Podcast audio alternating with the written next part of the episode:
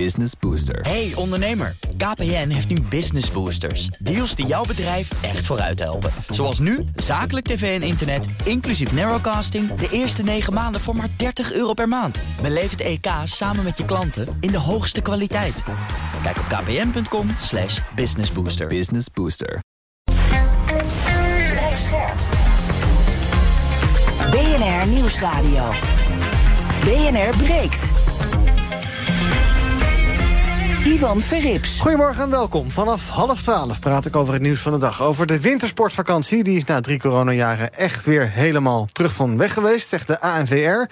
Maar is massaal afreizen naar besneeuwde pistes eigenlijk wel toekomstbestendig? En als we kijken naar de toekomst, dan eten we misschien eh, in toenemende mate wel genetisch gemodificeerd voedsel. Klinkt ideaal, maar ook een beetje eng is of niet?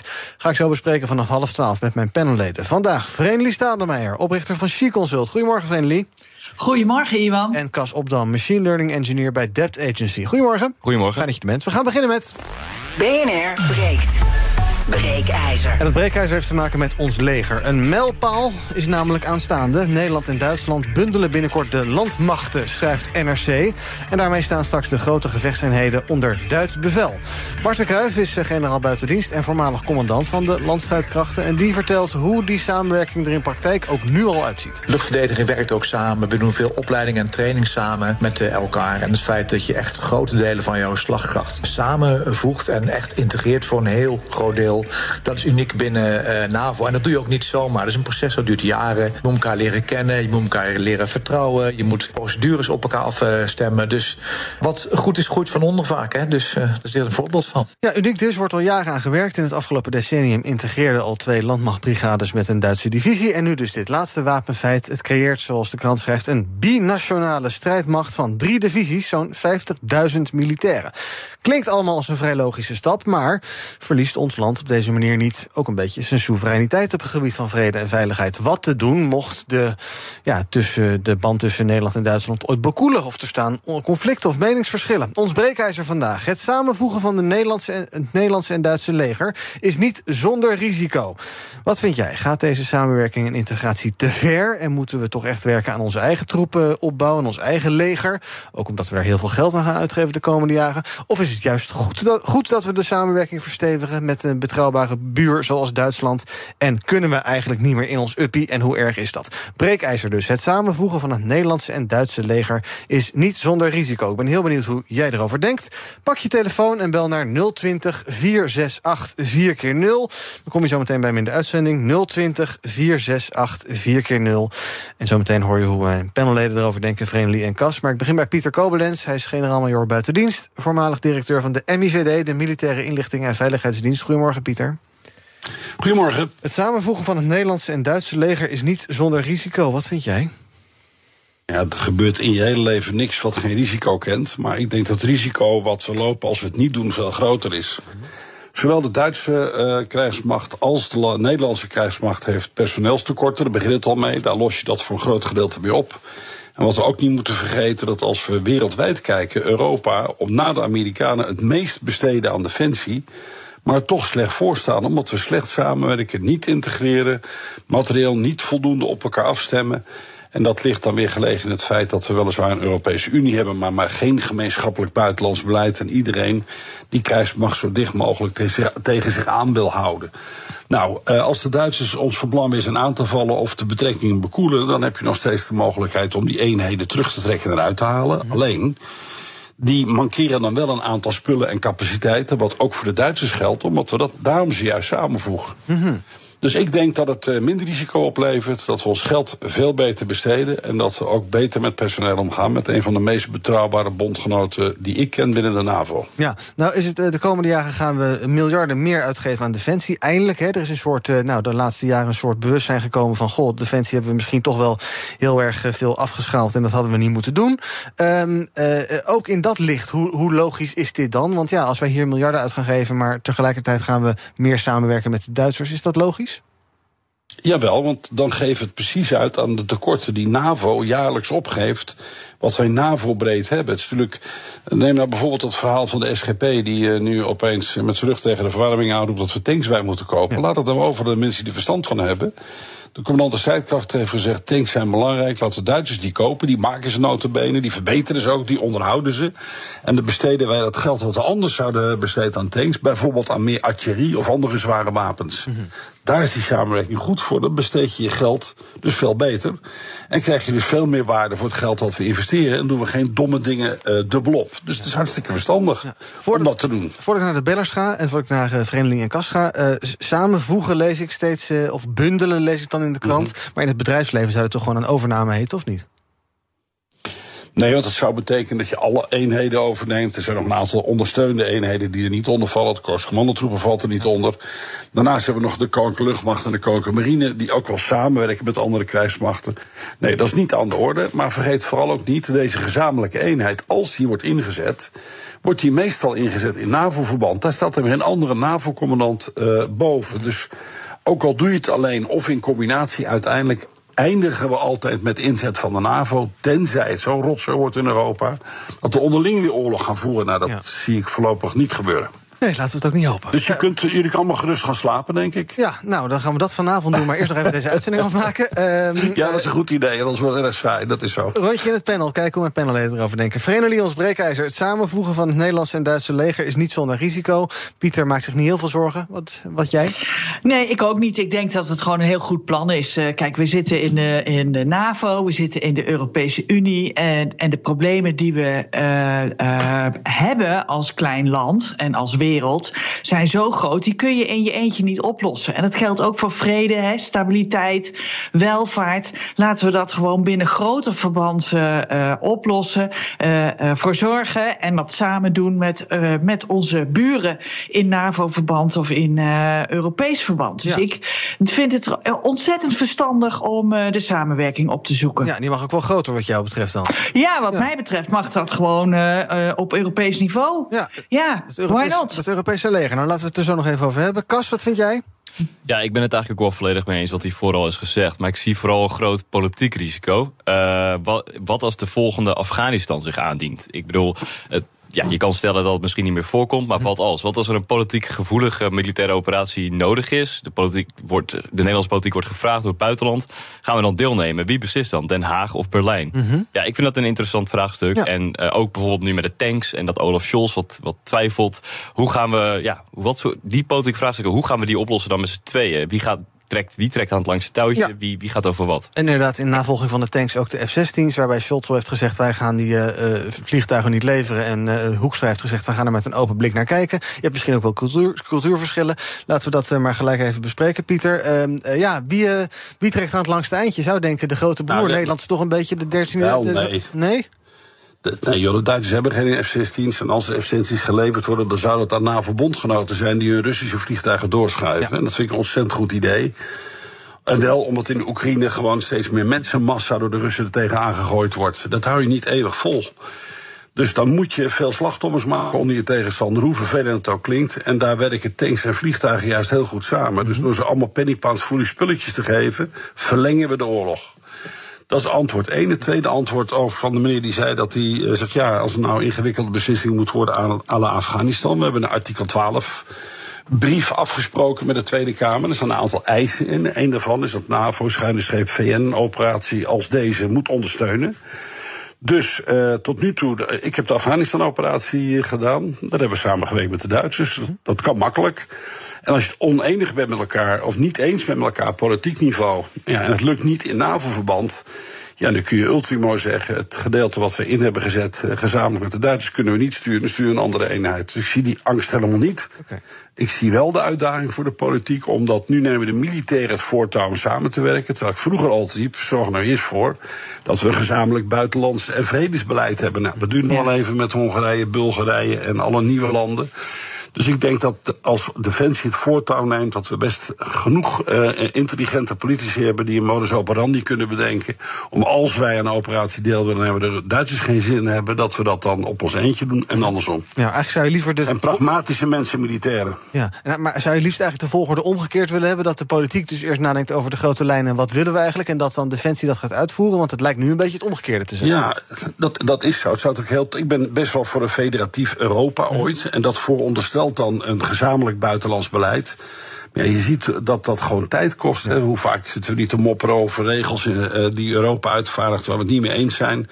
Dus ja, als je het pragmatisch benadert, dat kun je op korte termijn niet bereiken. Dus ja, laten we dan samenwerkingsvormen zoeken. En als dat dan niet gaat, dan zoeken we met verstand de uitzondering. En ja, het is alleen jammer als je met de Duitsers samenwerkt dat je Eindhof en sauerkraut moet eten. Daar moesten we erg aan wennen in het begin. Ja, en dat Duits, nou, dat kunnen we wel. Hè. Dat komt wel goed. Ja, die Precies. Ja. Uh, Rob, goedemorgen. Ja, goedemorgen met Rob Quist in de beeld.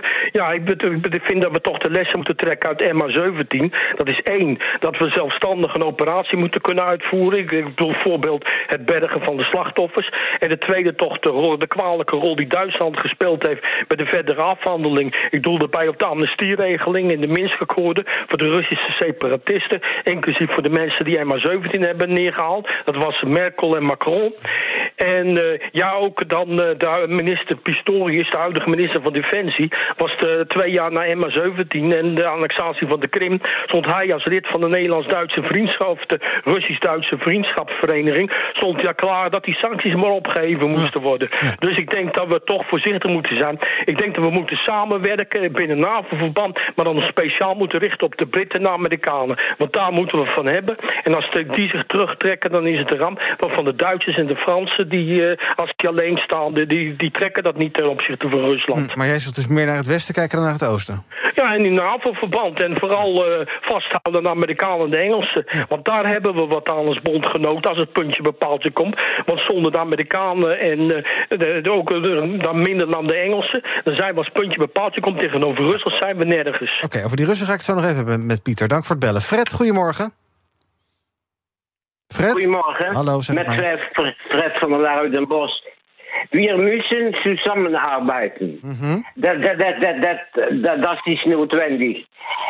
Ik vind het bijzonder goed dat er iemand van de militaire inlichtingendienst in uw panel zit. Mijn beide ouders zijn ook medewerkers van de militaire inlichtingendienst geweest. Ja. Ze, ze, en ik uh, volg zijn denkpatroon. Als je in het strategisch centraal comité de opperbevelhebber van Nederland zet en de opperbevelhebber van Duitsland. En je denkt in NATO-verband, dan kan je geen bel vallen aan, dit, uh, aan deze uh. Ja, geen zorgen, geen zorgen dus bij Fred van der Laar uit Den Bosch. Ja, oké. Okay. Dank voor het bellen, Fred. Uh, onze ja. telefoonnummer 020 468 4 keer 0 Als je wil reageren op ons breekijzer... het samenvoegen van het Nederlandse en Duitse leger is niet zonder risico. Of je nou eens of oneens bent, mag allebei. 020 468 4 keer 0 BNR breekt. Ivan Verrips.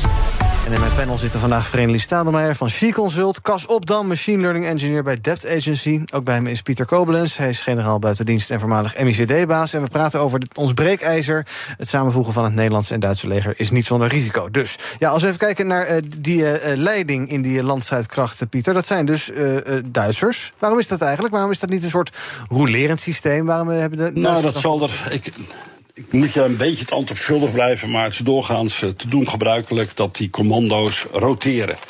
Ja, de eerste grotere organisatie en het is een divisie. Dat is een Duitse divisiecommandant voor onze generaal. Je hebt Marten Kruijf gesproken. Die heeft het grootste leger ooit aangevoerd in Afghanistan. Uiteindelijk gaat het erom dat zo'n operatie, al doend met de Duitsers... 99 van de 100 keer in, uh, in NAVO- of EU-verband zullen plaatsvinden. En dus die heren die zich zorgen maken en dat we met Amerikanen en Engelsen moeten samenwerken, die zitten daar automatisch bij die besluitvorming in. En als het over de MH17 gaat en over uh, eenheden die ondersteuning kunnen leveren om uh, in dit geval die, die, die verschrikkelijke taak op je te nemen om, om, om lijken te bergen en bewijsstukken terug te halen, dat zullen we altijd blijven kunnen. Want het feit dat we die samenwerking met landmacht uh, eenheden hebben, betekent niet dat de hele krijgsmacht onder de Duitse krijgsmacht valt. Ja. Dus ik denk dat die meneer dat niet helemaal goed op het netvlies heeft. En een van die bellers dus iets ook daar geen zorgen over. En een van die bellers die iets zei over Rusland. Duitsland heeft natuurlijk een andere relatie met Rusland, ook historisch. Ja, we weten ja. Mevrouw Merkel die had warme banden met meneer Poetin. Inderdaad, meneer Pistorius die dacht een tijdje geleden ook nog anders over Rusland. Daar zijn wij toch wat Ja, feller in, toch? Als je strategisch kijkt, dan uh, is het fijn dat uh, Duitsers met een hele grote land uh, weer tussen Rusland en ons in zitten. Uh, dus die hebben een nog groter belang dat ze goed met elkaar overweg kunnen. Dat geldt voor ons overigens ook. Niemand uh, vergeet niet dat de, de, inzet van militaire middelen pas gebeurt als de politieke mogelijkheden zijn uitgeput. Dus de primaat blijft bij de politiek liggen. En net zoals dat in Oekraïne het geval zou zijn, alles vindt plaats uiteindelijk aan de onderhandelingstafel. Dus je moet naar militair kijken als een last resort. Daar maak ik me geen zorgen over. Angst voor de Russen heb ik niet. Die hebben het voorlopig hartstikke druk in de Oekraïne. En doordat wij maar, dat klinkt een beetje raar misschien. En wellicht niet geheel ethisch verantwoord te geven, de Oekraïne de provisions om uh, de Russen voortdurend om de oren te, te geven en schade aan te brengen. Daarmee worden de Russen zwakker en ondertussen proberen wij onze defensies weer op orde te krijgen. En uh, weer uh, voor afschrikking te kunnen zorgen. En daar werkt deze samenwerking met de Duitsers ook aan mee. Ja. Je weet iets aan een goed geoliede machine dan mensen met hele goede voornemens die onvoldoende personeel en onvoldoende middelen hebben. Ja. En dan we hebben hele slimme landmacht, officieren.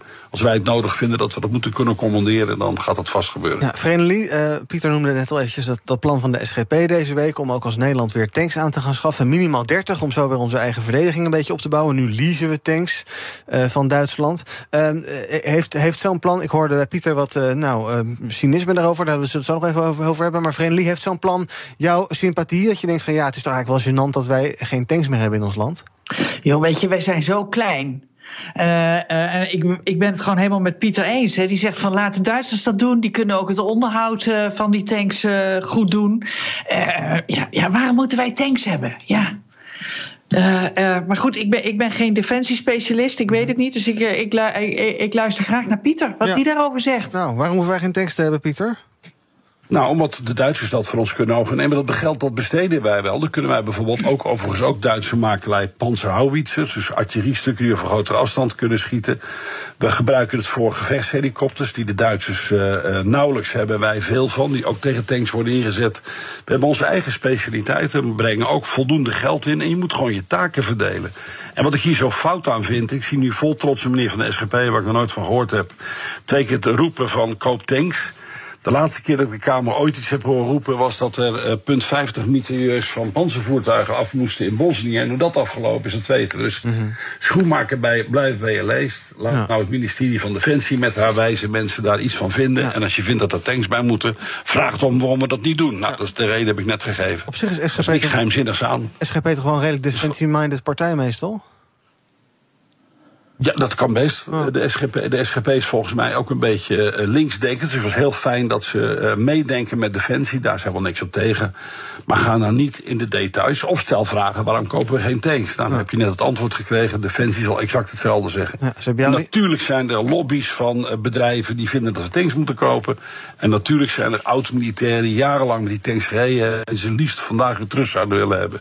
Ja, die nostalgie, daar kunnen we geen geld aan uitgeven. Kas, vergeet ook niet, vergeet, ja. en vergeet ook niet, hè, iedere tank heeft uh, vier personeelsleden. Heeft heel veel mensen nodig om het te onderhouden. Dus het zet ook weer druk op je werving van mensen die je misschien beter in kan zetten. Bij effectieve systemen waar je minder mensen nodig hebt.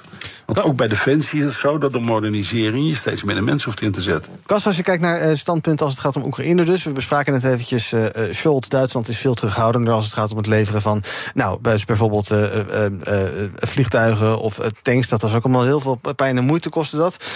Hoekstra heeft erover gezegd over die F-16's. Van nou, als er een verzoek komt, dan kijken we daar met een open blik naar. Waar sta jij een beetje? Ben je, ben je een beetje denkt van nou, die open blik of liever op de rem trappen en dan kijken wat nodig is? Ik heb zeker een open, open blik. Ik denk dat dit is gewoon een Russische agressieoorlog die probeert Oekraïne onder de voet te lopen. En als we geen Oekraïne niet ondersteunen, dan kunnen we Oekraïne net zo goed ook opgeven. Dus ik denk dat we zoveel mogelijk wapentuig moeten sturen naar Oekraïne om, uh, om het conflict tot een snel einde te brengen. Want we zullen zelf onze vingers er niet aan branden. Nee. En dan dus maar uh, inderdaad ja, het maximale doen wat je kan doen. Ja. Zonder de mensen heen te sturen. Uh, Pieter, is de volgende stap dan ook uh, luchtmacht en marine ook verder gaan laten samenwerken met ja, Duitsland? Marine, marine, marine wordt een beetje ingewikkeld. We ja. hadden natuurlijk al lang bijdrage kunnen leveren in het konvooi begeleiden in de Zwarte Zee. Maar dat vinden we te escalatoire. Dat doen we dus niet. -huh. Uh, luchtmacht heb ik net gezegd. Ik vind dat de straaljagers door moeten schuiven naar oude F-16's naar Polen. En ja. Polen hun Russische kisten doorgeven aan de Oekraïne. Dat levert dan ook minder opleidingsproblemen op. om die oorlog zo kort mogelijk te houden. En nog even in te gaan op Duitsland. Ik vind dat Duitsland te vaak in het hoek wordt gezet. Ja, ze zijn langzaam. Laten we één ding niet vergeten. Ze hebben twee wereldoorlogen veroorzaakt. En de handhaven hebben ze een hele wetgeving ook moeten aanpassen in het Bundesverfassungsgesetz. Die hebben alles aan gedaan om niet weer in de situatie te komen dat ze een hele grote militaire macht worden. Hebben ze hun kinderen opgeleid. Zo, ik heb er 15 jaar gewoond. Zo hebben we elk jaar met ons, onze beveiligingstijd gaan er weer massa's films over de buis. En daar waar de hele wereld riep, ja, die Duitsers moet je een beetje in de gaten houden. Zeggen nu, als je niet zit te treuzelen, man, koop godverdikke is uh, wapens bij je, geef ze door. Dat is een hele ingewikkelde gewetensvraag voor onze oosterburen. Dat komt niet zo goed uit op dit moment, maar het siert ze wel, vind ik. Ryan, goedemorgen. Goedemorgen. Zeg het maar. uitstekend uh, samenwerking die wordt voorgesteld, alleen dan wel met, het, uh, met Engeland, met het Verenigd Koninkrijk. Nederland heeft gewoon geen goede militaire relatie met Duitsland gehad, hebben we nooit gehad, maar wel met de Engelsen. Uit eigen ervaring heb ik veel ervaring met uh, de samenwerking met de Engelse marine. Ja. En dat is altijd uitstekend gegaan. Wat gaat, er Dus keuze- wat- gaat er mis met die relatie met Duitsland? omdat mijn eigen ervaring met de Duitse marine is dat we daar niet zoveel mee hadden. En ook geen goede klik met elkaar hadden. Ah. Ehm, en ten aanzien van Duitsland zelf vind ik dat Engeland een natuurlijke partner van Nederland is. Nederland heeft altijd het oog op het Anglo-Saxische gebeuren. En niet het oog op Oosten en op Rusland. Dankjewel voor het bellen. En tot slot van deze uitzending nog even. Daniel, goedemorgen. Eh, goedemorgen, ben ik goed te verstaan? Ja, luid en duidelijk. Jij wel. Gelukkig. Ja, ik, eh, ik, eh, de stelling, hè, ik, ik vind inderdaad dat het niet zonder risico is. Gelet op de samenwerking die we al hebben met Duitsland, vind ik dat in principe voldoende. Verdere uitbreiding is in mijn opinie ook niet nodig. Ook gelet op hè, Joegoslavië en andere conflicten waarbij Nederland en Duitsland hebben samengewerkt. Eh, wel vind ik Europees belangrijk. Ik zou meer pleiten voor lokale samenwerking tussen Nederland, België en eh, Luxemburg. Dus meer Benelux. Eh, als je kijkt naar de NAVO bijvoorbeeld, zie je opeens heel erg een samenwerking ontstaan onder bepaalde NAVO-staten. Zo is Japan bezig om een krijgsmacht uit te breiden. Er wordt gesproken van een programma van meer dan 320 miljard dollar. Samen met Australië, het Verenigd Koninkrijk en de Verenigde Staten. Dus een soort van nieuwe militaire alliantie. Eh, dus Europees hè, ben ik zeer erg voor. Maar met Duitsland vind ik het misschien nog een stap, eh, stap te groot. Dank voor het bellen. Eh, Daniel. Ehm, eh, ja, eh, Pieter, ik vroeg me ook nog af. op deze manier ontstaat dus een eh, eh, binationale strijdmacht, zoals de krant schrijft, 50.000 militairen. Ligt eh, Vladimir Poetin daar wakker van?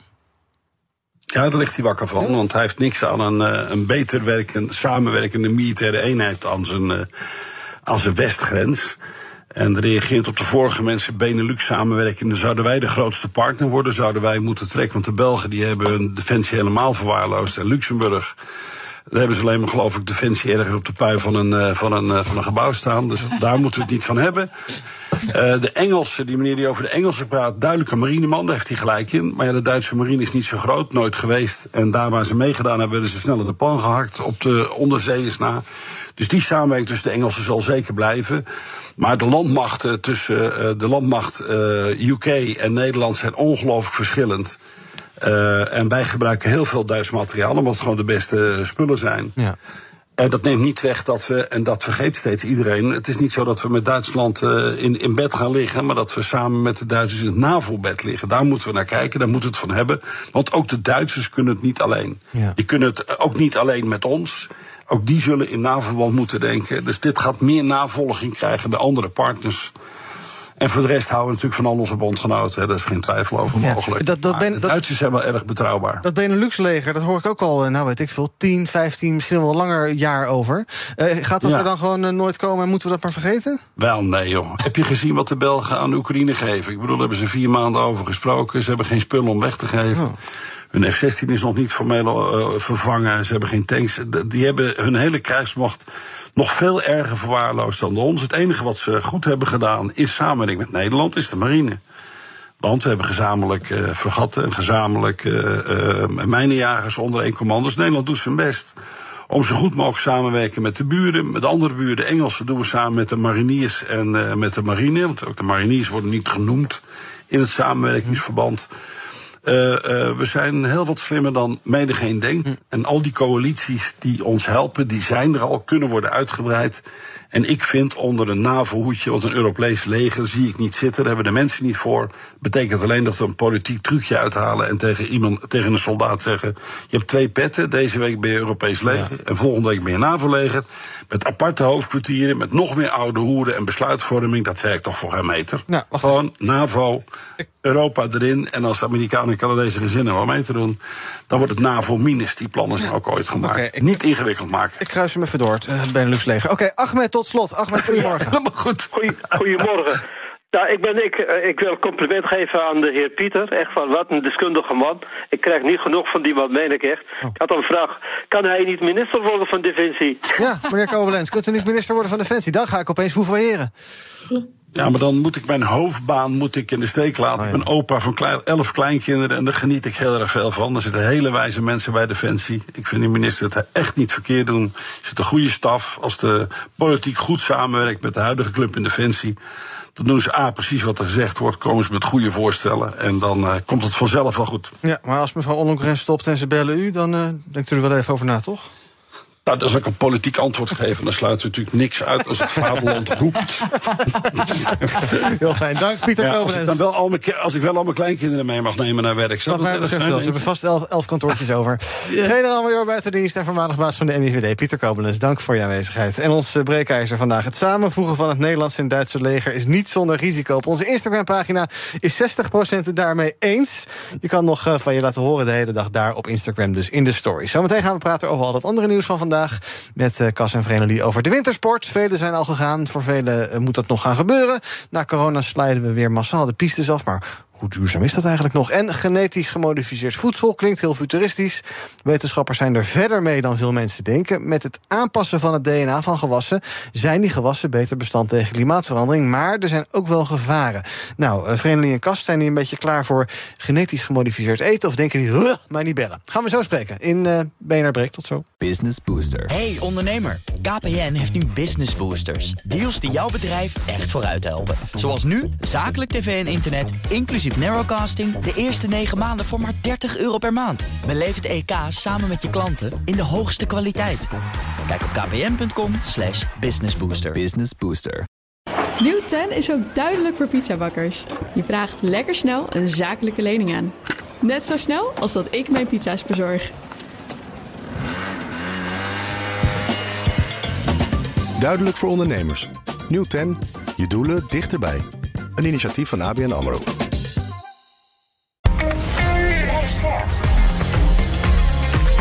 BNR Nieuwsradio. BNR breekt.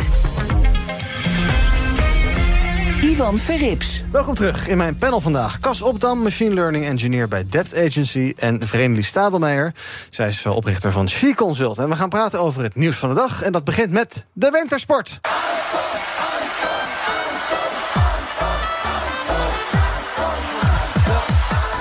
Volgens de AVR is de wintersportvakantie na drie jaar corona weer helemaal terug van weg geweest. En ook TUI en Sunweb beleven ondanks de hoge inflatie gouden tijden. Aan het begin van het wintersportseizoen kleurden de Alpen nog grotendeels groen, waardoor de boekingen wat tegenvielen. En we zagen ook dat het aantal ongevallen omhoog ging. Maar veel mensen hebben last minute besloten om toch lekker naar de sneeuw te gaan.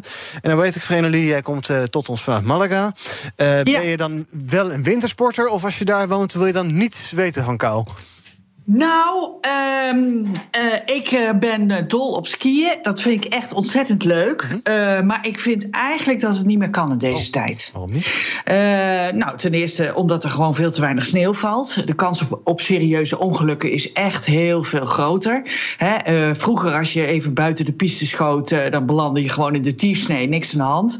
Nu beland je gewoon in de wei en dan is er wel wat aan de hand. Dan heb je echt een harde landing. Dus we zien ook het aantal ongelukken enorm toenemen. Maar ik vind ook het gesleep uh, uh, uh, heen en weer, sowieso naar de skigebieden toe. Ja. Maar dan met liftjes, jezelf omhoog laten slepen.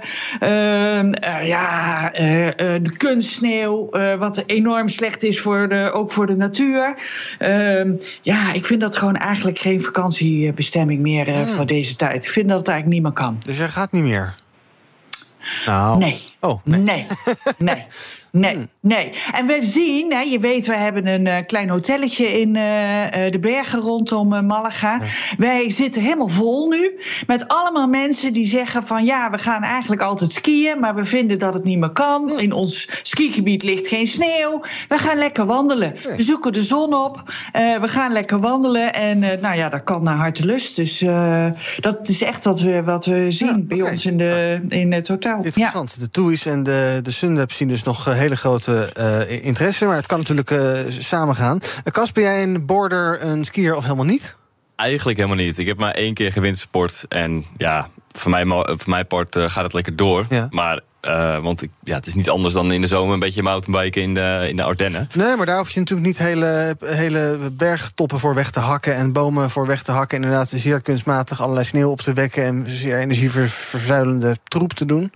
Ja, ja ik, denk, ik denk toch dat, het, dat je het moet zien in het kader van het klimaat. Ja. Want je hebt uh, afgelopen twee jaar twee hittegolven achter elkaar gehad. Dat is ook niet helemaal uh, in lijn met wat je normaal ziet in Nederland mm -hmm. of in, in, in Europa. En ik denk dat de sneeuwvrije pistes, dat, ja, dat gaat in de toekomst veel vaker voorkomen. Ja. Dat weet ik wel bijna zeker. Ja. Dit, is niet, dit is denk ik gewoon een teken aan de wal. Ja, dus ook wat dat betreft, het gaat misschien wel een keer eindigen, dit ja. hele feestje. Oh, sowieso. Als je, als je een investeerder was, dan zou je nu niet in wintersportgebieden gaan investeren. Of misschien heel hoog gelegen. Ja, nee. Dan zou ik liever in de, in de indoor door uh, sneeuwhallen gaan investeren. Die blijft toch wel gewoon open. Ben ik wel eens geweest, maar daar is echt geen drol aan. Uh, Vrenelie, um, uh, zie je ook dat mensen... ja, we horen natuurlijk al die verhalen over inflatie en dergelijke. Hartstikke hoog. Het leven wordt duurder, eten, drinken, energie. Ehm, maar op zo'n wintersport willen we dan blijkbaar niet bezuinigen. Wat zegt dat tegen jou? Zo hoog is de nood niet? Ja, ik denk dat het wel een bepaalde groep is die natuurlijk op, uh, op wintersport uh, gaat. Maar ja, zeker Zwitserland is natuurlijk een knetterduur land. Ja. Wat dat betreft kan je echt veel meer, beter naar Spanje. Daar lunch je met twee voor twee personen uh, voor 15 euro met een glaasje wijn erbij. Oh. Dus ja. Daar kom je in, uh, op de skipiste echt niet mee uit. Nee, daar heb je een appeltaartje voor voor 15 euro. Ja, dat denk ik Zonder wel. Ja, ja, ja, ja, precies. Ja. Maar jij denkt dus dat het uh, wel eens voorbij kan zijn... met dat hele wintersport over een aantal jaren? Nou ja, dat is natuurlijk ook wat je, wat je ondernemers in skigebieden hoort zeggen. Dat ze zeggen van ja, we gaan ons toch wat meer richten op wandelen... op fietsen, op die soort dingen. En kijk, weet je, wandelen is ook wel beter voor je brein dan skiën. He, we weten uit onderzoek dat, er, dat wandelen echt heel goed werkt. Met name als je veel stress hebt of als je wat depressieve klachten hebt. Dan is juist wandelen uh, uh, heel erg goed. Beter dan in de rij staan bij een skiliftje en dan weer naar beneden rausen. Ja, half bezopen. Oké. Okay, ja, uh, ook dat, ja. Dus voor Vrenelie geen wintersport meer. En voor Cas ook niet echt, maar dat is vooral het desinteresse, denk ik. Ja, dat klopt. Ja, waarom ja. vind je het niet interessant? Wat, wat, wat, wat, wat, trok je niet na die eerste keer?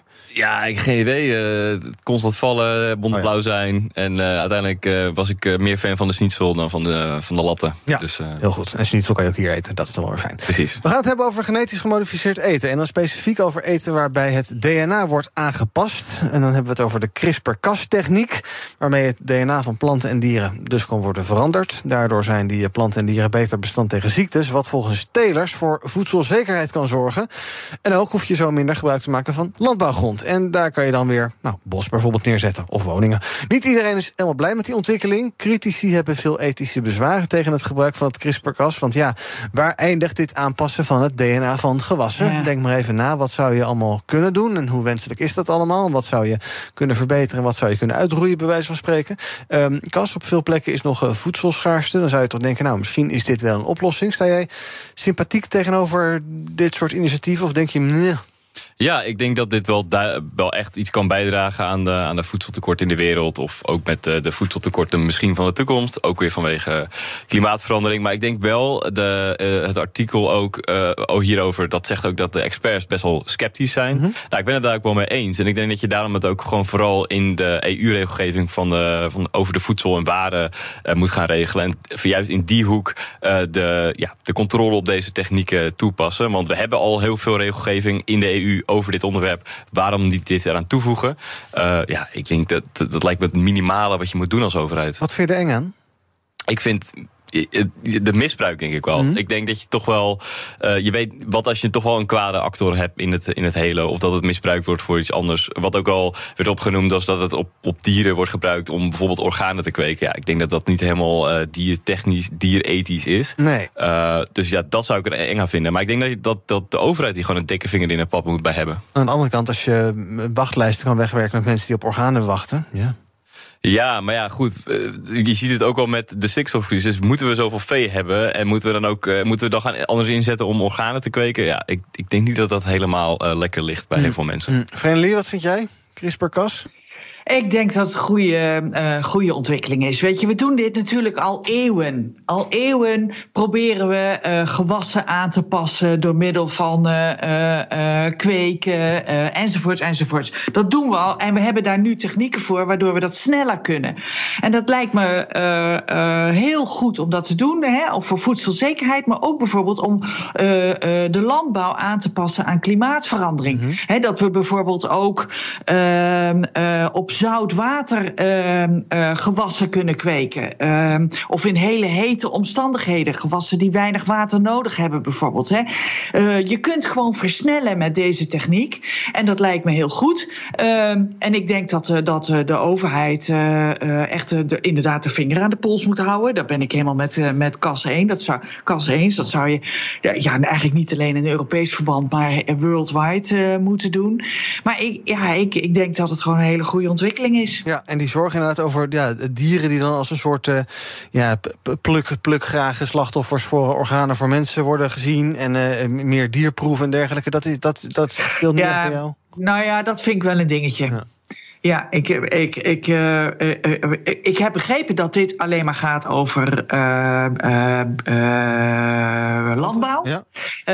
En niet over organen en hoe je dieren daarvoor. ja, dat vind ik echt wel een andere, een andere kwestie. Ja. Nou ja, als je, Ja, even, als je, ja. als je even Ja. on- onbeperkt doordenkt, dan kan je natuurlijk ook Ja. allerlei selecties op mensen gaan maken. Dat je zegt van goh, mensen met een vlekje links of rechts, die willen we niet. Of met ziekte links of daar. Maar dat, eh, doen we al. Dat doen we al. Maar dan kan je, dat nog, dat kan je, nog, je kan een supermens creëren hiermee. En al, al het Ja. andere, dat hè, Ja.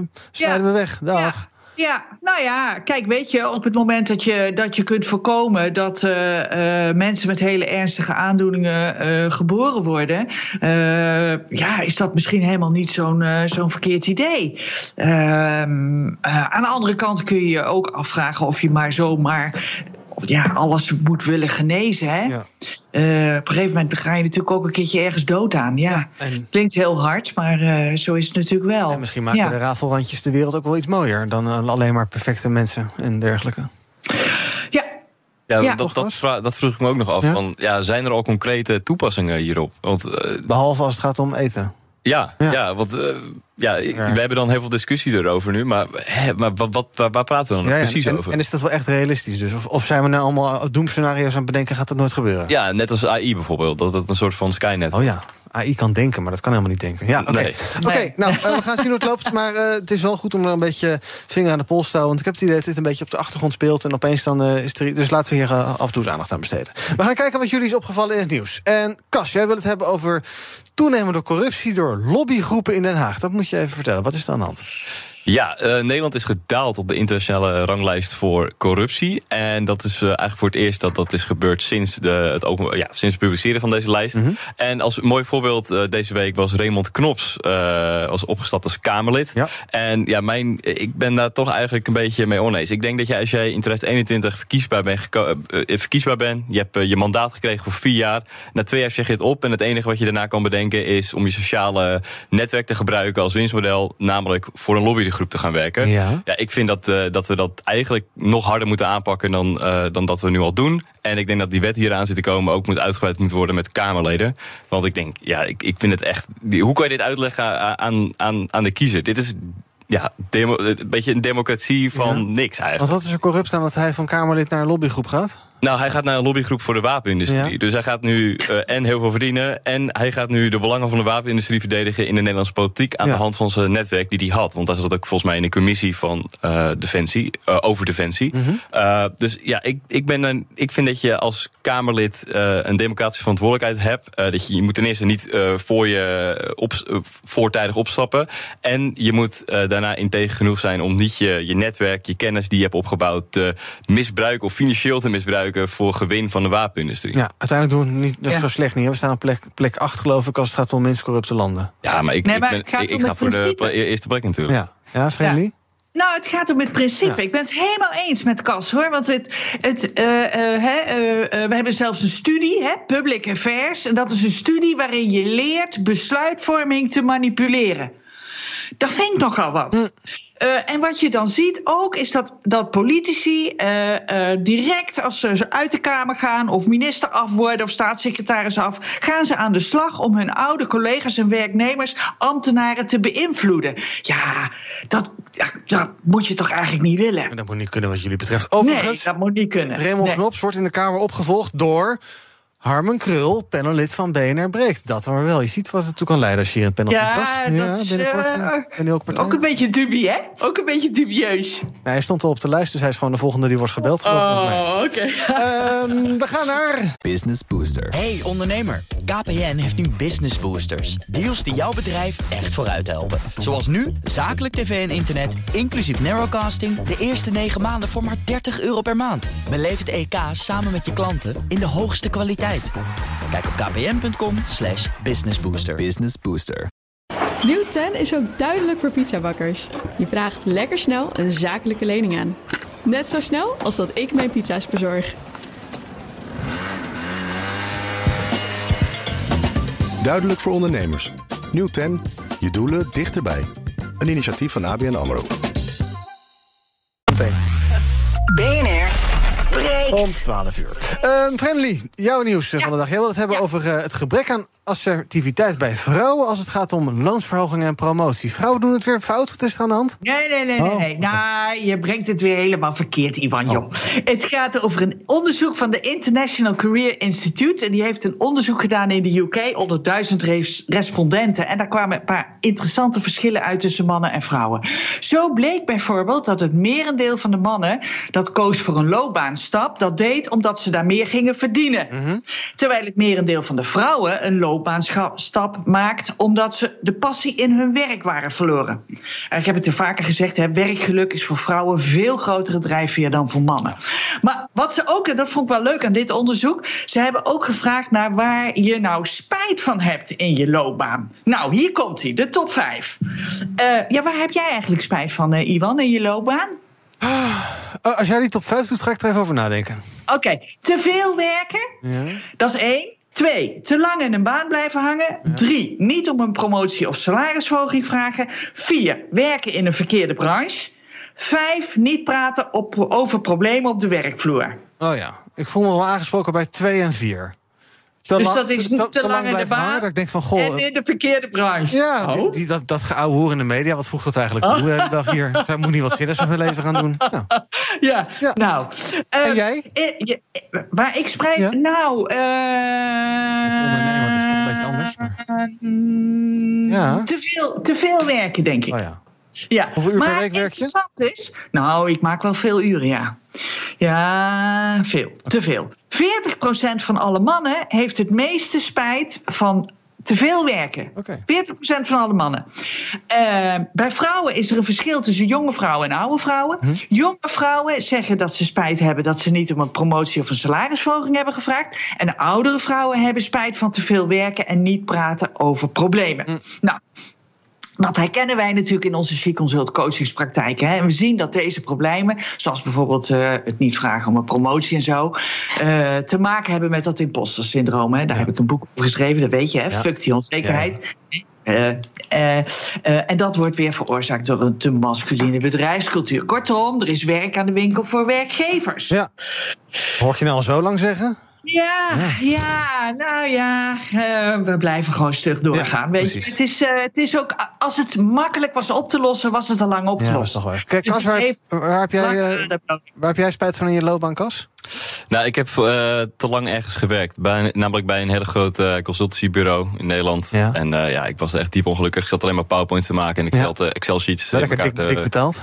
Nee, werd ook niet oh, heel goed betaald. Dat was, dat, was, dat was de startersfunctie. Dus ik dacht, nou, ik ben er klaar mee. Ja. Ik ga iets anders doen. En, en hoe lang ben je eigenlijk te lang in die baan gebleven? Hoezo? Nee, hoe lang ben je? Te, uh, te, ik, hoe, hoeveel te lang ben je in die baan gebleven? Achteraf dat je dacht, ik had al een jaar eerder weg moeten gaan? Of? Uh, een half jaar, ander, uh, negen maanden of zoiets. Ja, zoals ongeveer uh, tijd dan, hè? Ja, je, je, hoopt dat er misschien nog verbeteringen zit, maar dat doe je dan, ja, hm. maak je toch geen keus. Ben je nu wel gelukkig, toch? 100 procent. Goddank. Oké, okay, we gaan kijken wat de trending is op de socials. Het einde van het tijdperk. Deze man is trending. Well, today we're talking about the issue of gray divorces. When Americans 50 and over split up. Now, uh, Laura and her husband Bill say the divorce word has come up during their marriage And they want to fix what's wrong. Ja, Dr. Phil. Als Amerikanen iets moesten fixen, gingen ze naar Dr. Phil. Maar nu moeten ze iemand anders zoeken, want deze meneer Phil McGraw, zoals hij heet, stopt na 20 jaar met zijn populaire tv-programma. Omdat hij zich naar eigen, zaken op andere, naar eigen zeggen op andere zaken wil richten. Misschien ook wel te lang doorgegaan in zijn functie. Hashtag staatsomroep is trending. Dat heeft allemaal te maken met Ongehoord Nederland. Voor de derde keer gesanctioneerd door de publieke omroep. Waardoor het einde van die nog jonge omroep, nou misschien wel eens niet zo ver weg lijkt te zijn. Ook trending, hashtag watersnoodramp. Vandaag 70 jaar geleden dat Nederland dat gevecht met het water bijna verloor. Grote delen van Zeeland, Zuid-Holland en West-Brabant overstroomden... waarbij zo'n 1840 Nederlanders het leven lieten. En dan nog even naar het nieuws van BNR. Er is sprake van een soort, uh, nou, exodus, kan je misschien wel zeggen... van uh, TikTok-gebruikende Tweede Kamerleden. Blijkt uit een onderzoek van uh, de radiozender waar je nu naar luistert. De redactie benaderde 50 Kamerleden met een profiel op TikTok. De helft reageerde en daarvan bleken er nog maar acht actief te zijn. Eigenlijk om het zekere voor het onzekere te nemen. Dus er kwamen steeds meer verhalen en onderzoeken naar buiten... van hè, is die app eigenlijk wel veilig... Um, sowieso heeft China, dat is breed bekend, een uh, beleid om zoveel mogelijk data van uh, mensen te verzamelen en die op te slaan. Dus ja, dat ze dat wellicht via de app doen, is dan ook eigenlijk geen verrassing. Ja, dat was VVD-Kamerlid Queenie Ruikowski, die vertelde waarom zij TikTok heeft verwijderd. En die dus grote zorgen heeft over haar privacy op dat platform. Nou, we kennen de internationale verhalen, bijvoorbeeld uit Amerika, waar allerlei overheden TikTok al verboden hebben op overheidsapparaten. Uh, Vrenelie, zit, zit jij of zit She-Consult op TikTok? Nee, Bewust of is dat niet echt bewust? Zit je doelgroep er niet? Nou, onze doelgroep zit daar niet, denk ik. Denken wij. Uh, maar weet je, het geldt natuurlijk niet alleen voor TikTok. Ook op Facebook bijvoorbeeld, of op Instagram, betaal je met je gegevens. Ja. Uh, uh, dus ik, ik vind het een beetje een schijnvertoning nou van die Kamerleden dat ze nou allemaal van TikTok afgaan. Ga dan ook van Facebook af. Ja, en stop ook met WhatsApp en, en Instagram. Ja, gooi je telefoon weg. Nou ja, bij wijze van, ja. ja maar dat zijn natuurlijk Amerikanen. Dat vinden we allemaal iets minder spannend dan de Chinezen, blijkbaar. Kennelijk. Ja. Maar ja. ja uh, is er verschil? Ja, ik weet niet of er zo'n groot verschil is. in dit geval. Ik ga het vragen aan de machine learning engineer in ons midden. Kas, Precies. Uh, TikTok. Uh, op TikTok actief?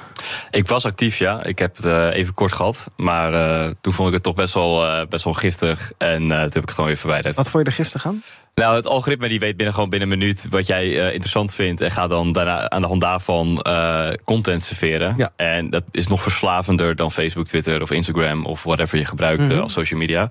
En dat vond ik best wel ja, men, vanuit mentaal oogpunt gewoon heel ongezond. Toen heb ik het verwijderd. En ook dat het winstmodel is om uh, advertenties te serveren aan de hand van wat jij interessant vindt. ja, daar begin ik steeds meer moeite mee te krijgen. Ja. Vooral omdat dat nu zo persoonlijk wordt. maar dat doet Facebook ook. Ja, dat precies. ja, maar het probleem met TikTok is is, is dat uh, we weten niet precies wie de eigenaar is van TikTok. Ik weet dat Mark Zuckerberg uh, de CEO is van Facebook. En Ook dat een enge man ook een, misschien een enge man, maar misschien minder eng dan TikTok. Maar ik kan gewoon een aandeel kopen en alle, uh, van Facebook en daar alle dingen over, uh, over lezen. En uh, het is gewoon een voldongen feit dat in China dat de overheid altijd een aandeel heeft in die bedrijven. Ja. En er is, het is ook algemeen bekend dat de Chinese versie van TikTok, Douyin, die heeft een andere inhoudelijke, in, in kindvriendelijke versie van TikTok ja. op de markt gebracht. Voordat je, als je een bepaalde leeftijd bent, bepaalde content zien. Dan ja. zie je namelijk partijpropaganda van de Chinese Communistische Partij. En Chinese kindjes zien allemaal films over filmpjes over hoe ze zich goed moeten gedragen... en Ja. wat eh, wenselijk gedrag is en dergelijke. Precies, en kindvriendelijke content. En, en, en met, een- met een Chinees randje. En ik denk dat je. En in het Westen is dat dus niet zo. Bijvoorbeeld een ander onderzoek van de. Voor mij was dat van de Washington Post. Die zei van. We gingen kijken hoe snel TikTok edgy content gaat serveren. Dus wanneer gaat TikTok content aan je laten zien. Wanneer het toch wel een beetje. Ja, dat, je, dat het inspeelt op je mentale problemen, op je onzekerheden. En dat was binnen, nou, binnen 300 gevallen. Binnen, de, ja, binnen een dag wist eh, TikTok jou een, ja, iets, iets, toe, te, iets Ja. toe- te spelen. wat misschien wel een probleem voor jou persoonlijk was. Ja, als TikTok drugs zou maken, was nu iedereen verslaafd in de wereld. Precies, precies. Eh, ik zei al, die Amerikanen die, eh, die zijn er bewust mee bezig. Allerlei parlementariërs die zeggen we moeten daar eens mee stoppen. Zouden we daar wat meer bewust van moeten zijn, Cas? Denk jij dat we ook inderdaad twee- tegen die Tweede Kamerleden zeggen... en ook tegen misschien ministers die op TikTok zitten... ik weet niet of dat het geval is, maar ambtenaren... dat je zegt van joh, doe maar gewoon even niet. Ga maar gewoon lekker weg met TikTok. Het product is zo succesvol eigenlijk en Dat moeten we niet willen. Ja, ik zou wel echt pleiten voor een verbod. eh, al helemaal bij politici. Omdat die natuurlijk alleen maar eh, te maken hebben met vertrouwelijke informatie over het lands, eh, in het landsbelang. Maar ik denk ook dat er gewoon voor de politici een ongemakkelijke verbinding is tussen het bereiken van, van een groter publiek. Namelijk dat op TikTok. En, eh, en, eh, via het, en dan is het medium in dit geval TikTok. En dat is denk ik gewoon een discrepantie die, die heel ongemakkelijk wordt ervaren. En hetzelfde geldt ook net zo goed voor Facebook en, eh, en Twitter en Instagram. Oké, dat zei Cas Opdam, machine learning engineer bij Devs Agency. En Vrede Lee gewoon lekker wegblijven. Dus je, had toch, je, je zat er al niet, je had al geen plan om erop te gaan. En eh, lekker Nee, houden zo. precies, Oprichter precies. van She Consult. Vrede Lee staat ermee, dankjewel. Morgen is BNR Breekt er weer. Ben ik er ook weer. Tot die tijd kun je ons volgen via de socials. YouTube, Instagram, Twitter, LinkedIn, TikTok. Ja, echt waar. Zoek maar even op BNR, dan vind je ons daar vanzelf. Zometeen Zaken doen met Thomas van Zel. Business Booster. Hey ondernemer, KPN heeft nu Business Boosters. Deals die jouw bedrijf echt vooruit helpen. Zoals nu, zakelijk tv en internet, inclusief narrowcasting... de eerste 9 maanden voor maar 30 euro per maand. Beleef het EK samen met je klanten in de hoogste kwaliteit. Kijk op kpn.com slash businessbooster. Business Booster.